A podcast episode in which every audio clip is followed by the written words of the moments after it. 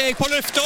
Mikrofon og alt har gått til balalaika. Da er det Balalaika med Alf Henden i studio igjen, og vi ser på historiske hendelser i uke 31. Ja, begynner med en fødsel i 1923. Shimon Peres, israelsk statsminister, utenriksminister, president og Nobel fredsprisvinner i 1994. Mm. Det ble han sammen med Ishak Rabin og Yasir Arafat.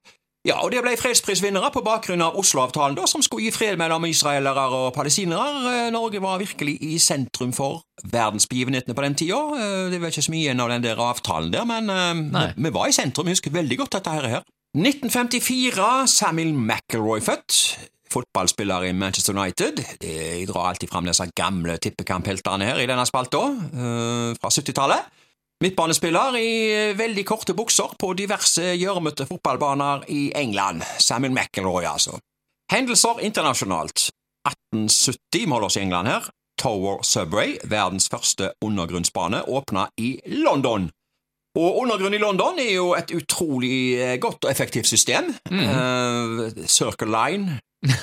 Jubilee Ja, Line. det, det er jo egentlig den eh, ringbussen Ja, ja, ja. ja, som vi hadde her i Haugesund. ja, ja. Hammersmith and City.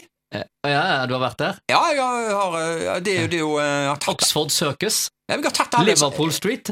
Ja, Nå snakker du om togstasjonene, Ja, ja. men, eh, togene uh, Det står jo Hammersmith og City på fronten på den ene her, vitterlig. Oh, ja. Ja, Circle Line. Um, ja, men disse her stasjonene, det er ganske, det er ganske artig å sitte inne i disse her kupeene. Òg i 30 varmegrader har jeg sittet der. Ja, ja, ja. Så- det, ja, det kan være ganske varmt. Og så- disse her en voldsomme luftstrømmene. Ja. Når du går eh, nedover det der eh, smale gangene, det, Ja. egentlig. Det, det er overraskende hvor smale de ofte er.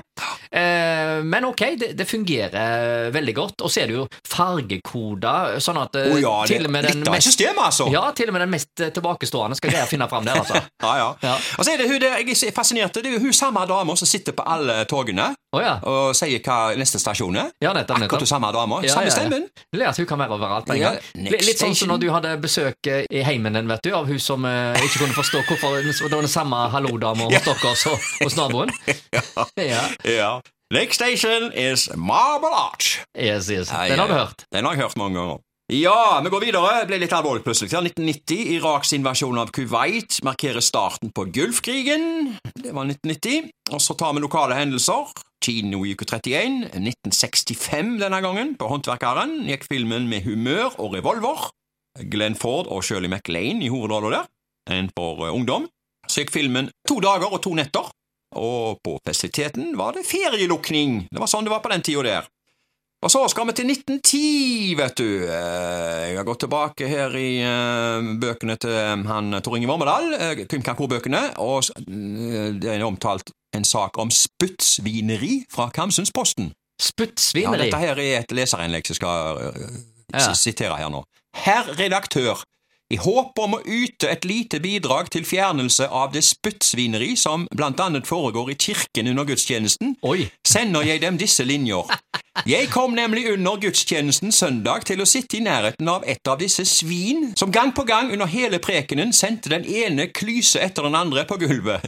Plakatene 'Spytning forbudt' ignoreres fullstendig av disse mennesker. Jeg tror det vil hjelpe om disse plakater varierte i innhold. Oh ja. For eksempel, av sunnhetshensyn forbydes spytning i kirken, eller Tenk på alle dem som vemmes ved din spytning her. Hilsen XY. Men du, altså, Ja, altså, de de- hadde jo sånne spyttebøtter eh, ja, før. spyttebakker. Ja, ja, ja, det, det var til dere ikke vet det, det var en gjenstand som sto midt på gulvet, eh, som oftest i porselen eller emaljert jern, og der skulle mannfolkene spytte skrå eller snus oppi. Ja. Det var jo ikke alltid de traff. Nei. Og det var ikke alltid det ble eh, tømt, disse spyttbakkene, så Å, nei. det har nok vært um... Noen gikk og snofla i det kanskje òg. Ja, noen gikk og snofla i de, så, så men det, bare, bare tenk dette her, altså. Det, det, at de gikk og spytta inne på gulvene. I dag spytter vi ikke på gata engang. Knapt Nei. nok. Nei, nei, nei. Du går gjerne rundt et hjørne hvis du skal spytte på gata. Du spytter ikke sånn at når folk står og ser på deg heller, liksom. Nei, Hvorfor skal du det? nei, og her gjorde de det altså i kirkene, og de gjorde det på gamle landhandlere Så, så, så ting har forandra seg? Inni matbutikker gjorde de det, ja. Ja, ja, ja. Eh, vi går videre til 2001. Banken nattklubb. Haugesunds Avis skrev som første utested i Haugesund tar Banken nattklubb i bruk tekstmeldinger, SMS da, i sin markedsføring. To-tre ganger i måneden sender de rundt 500 tekstmeldinger til registrerte kunder med invitasjon til fest. Ja, sånn ble det gjort. Eh, 2001 de var relativt tidlig ute da med å eh, annonsere på denne måten. Før det så var det vel Jungeltelegrafen, stort sett. Hvor det var inn og gå, hvor det var mye folk, og hvor det var lite folk. og... Ja, dette kan jeg jo en hel del om. Jeg jobber jo i utebransjen, så det holdt eh, Ja. stort sett hver helg. Eh, Altså I 2001 på Banken nattklubb, eh, da var det direktesending eh, på Radio Haugaland hver torsdag, fredag og lørdag, med undertegnede bak eh, spakene. Så eh, det okay. husker jeg godt. Ja. Eh, Vi snakket nettopp om spytting her. Eh, spytta vel ikke glasset de som gikk på banken? Hæ? Eh, nei, det kan vi vel slå fast her og nå. Ja, ja, ja. Ja, ja, ja.